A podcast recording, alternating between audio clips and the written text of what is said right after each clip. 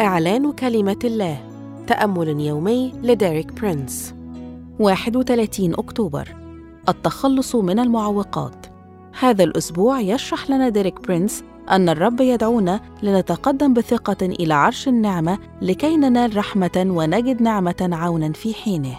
واليوم يوضح لنا أهمية أن نصلي بدون أي مشاعر سلبية داخلنا.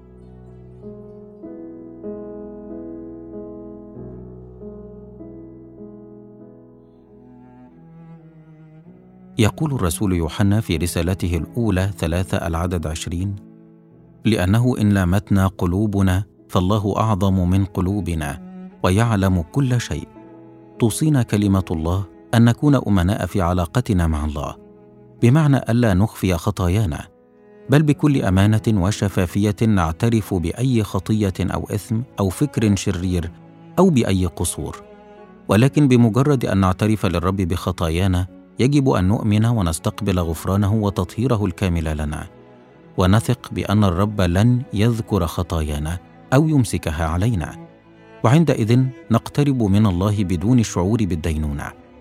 يوضح لنا الرسول بولس أهمية أن نصلي بدون مشاعر سلبية في قلوبنا. فيقول في رسالته الأولى إلى تيموثاوس اثنين العدد ثمانية فأريد أن يصلي الرجال في كل مكان رافعين أيادي طاهرة بدون غضب ولا جدال. توضح الآية أهمية أن نصلي بدون مشاعر سلبية كالغضب والشك. لذا يجب أن نتخلص من المشاعر السلبية المظلمة سواء تجاه أنفسنا أو تجاه الآخرين لأنها تعوق اقترابنا من الرب. توضح رسالة روميا 14 العدد 23 خطوره عدم الإيمان والشك فتقول من يشك يحكم عليه.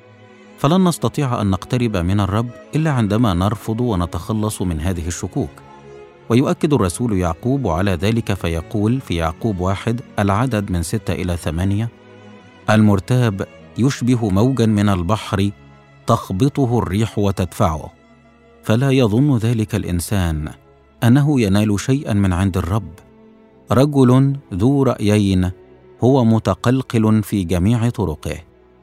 وهكذا يجب علينا أن نطرح جانبا الإحساس بالذنب وأي مشاعر خاطئة تجاه أنفسنا أو تجاه الآخرين. ونقترب من الرب بجرأة الإيمان.